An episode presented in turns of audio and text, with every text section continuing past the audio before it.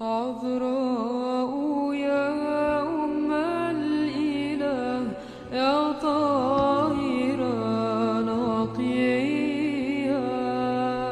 La det forgjengelige lys fra din åpenbaring skinne i våre hjerter, o menneskekjære Herre.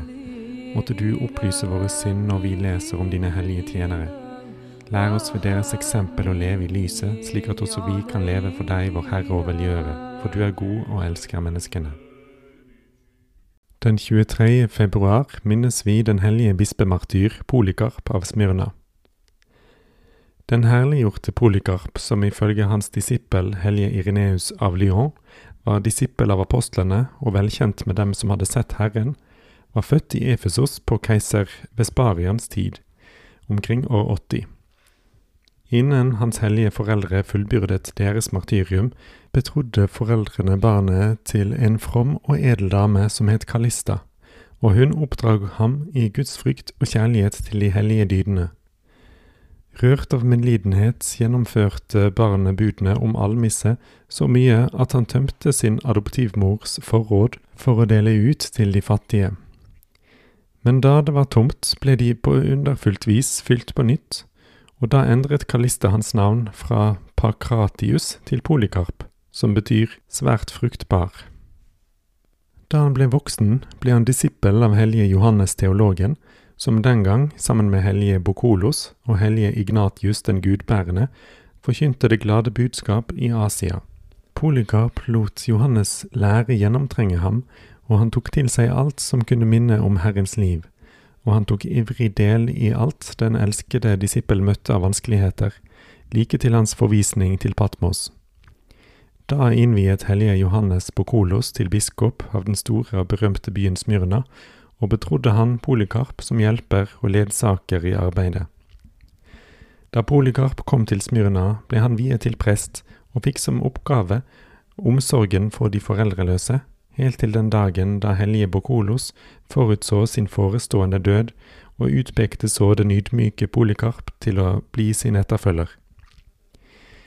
Da Polikarp etter Guds og sin åndelige fars vilje var blitt hyrde for kirken i Smyrna, passet han sitt verv ved fullkomment å etterligne sine fedres ferd, og trofast gjenta både deres egne ord og de ordene som de hadde mottatt fra Herrens egen munn.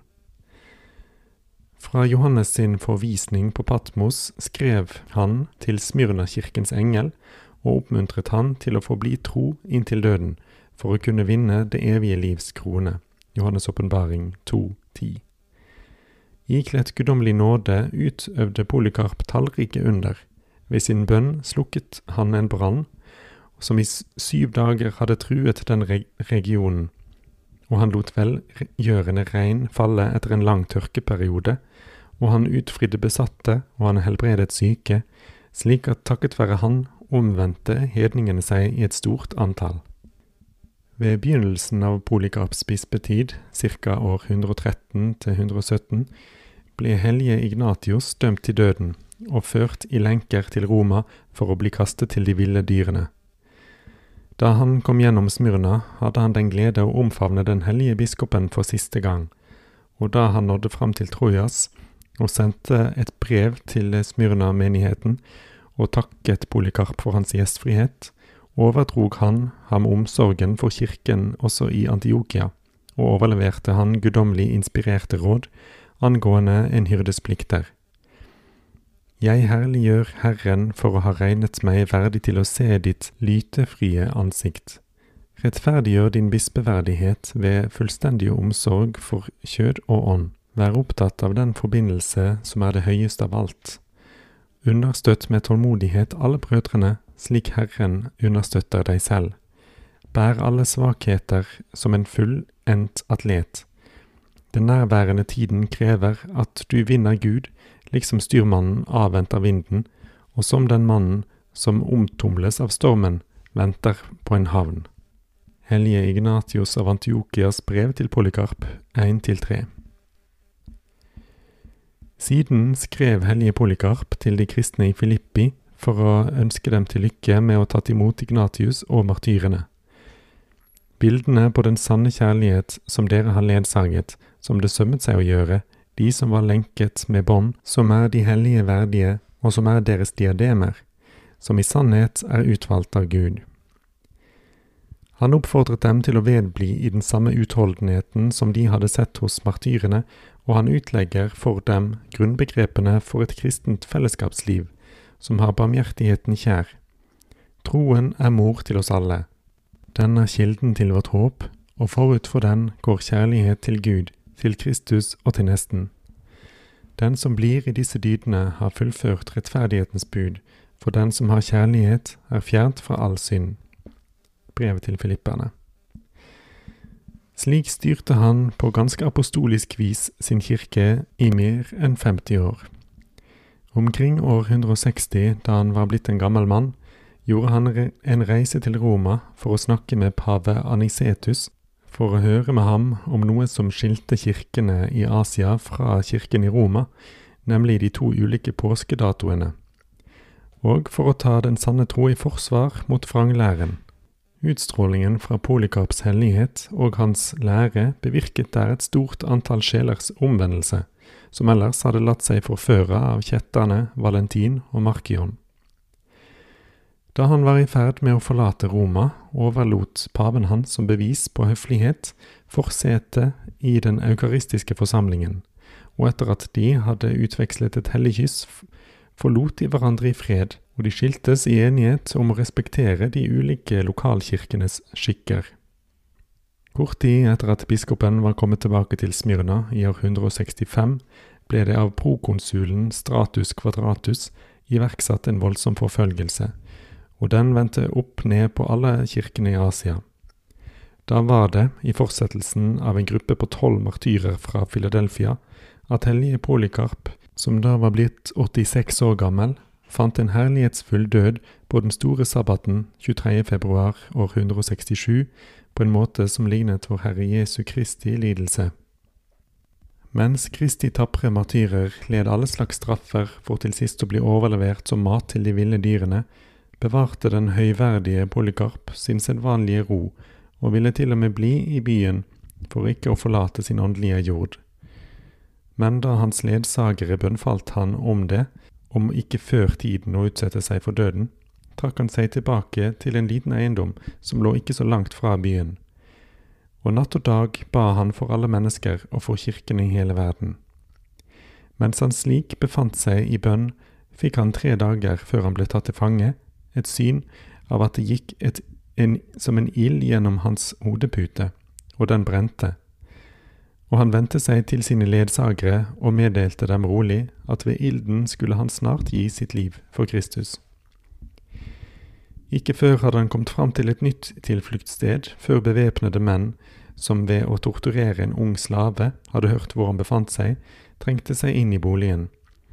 Biskopen, som nektet å flykte, tok imot dem med strålende og et meget mildt ansikt, og innbød dem til å nyte et rikelig måltid, og det eneste han ba dem om, var å få en liten stund til å be. Det gikk de med på, og i fulle to timer sto oldingen oppreist, fylt av Guds nåde, og ba for alle de mennesker han hadde kjent, små eller store, så vel som i kirken som over hele jorden. Da han var ferdig og de måtte gå, ble soldatene grepet av frykt, og de skulle ønske at de slapp å utføre den oppgaven. Men de lot han likevel stige opp på et esel for å føre ham til Smyrna. Politiintendanten, som het Herodes, kom han i møte og lot han stige opp i sin vogn for å forsøke å overtale han til å redde sitt liv ved å ofre til Cæsar. Men det var nytteløst, og intendanten lot da Polikarp kaste ut på veien mens han overdenget han med skjellsord. Skjønt han var blitt såret i beinet, fortsatte oldingen ikke desto mindre vandringen til fots.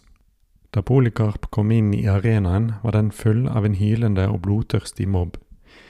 Men de få kristne som var der, hørte en guddommelig røst som trengte seg gjennom alt, og den sa, Fatt mot, Polikarp, og opptre som en mann. Prokonsulen oppfordret han til å fornekte Kristus idet han sa, Ha medlidenhet med din egen høye alder og andre ting forfølgere har for skikk å si under slike omstendigheter. Sverg ved Cæsars lykke og si ned med de ugudelige, tilropte han ham. Idet Polikarp så rettet sitt blikk på den hedningeskaren som fylte amfiteateret, svaret han, ja sannelig, ned med de ugudelige. Da han ble oppfordret til å forbanne Kristus, svarte han, nå har jeg tjent ham i 86 år, og han har aldri gjort meg noe ondt. Hvordan kunne jeg da spotte min konge, som har frelst meg? Prokonsulen sa, Her har jeg villdyr, og jeg overleverer deg til dem hvis ikke du endrer mening. Polykarp svarte, Bare kall på dem, for det er umulig å endre mening for å gå fra noe som er bedre til noe som er verre, mens det er godt å, å ombestemme seg for å gå fra det onde til rettferdigheten. Jeg vil la deg brenne i ild siden du ringeakter villdyrene, sa dommeren. Oppfylt av kraft og glede svarte Polykarp, du truer meg med ild som brenner et øyeblikk og så slokker, men kjenner du ikke dommens kommende ild og den evige straffen som er beredt for de ugudelige?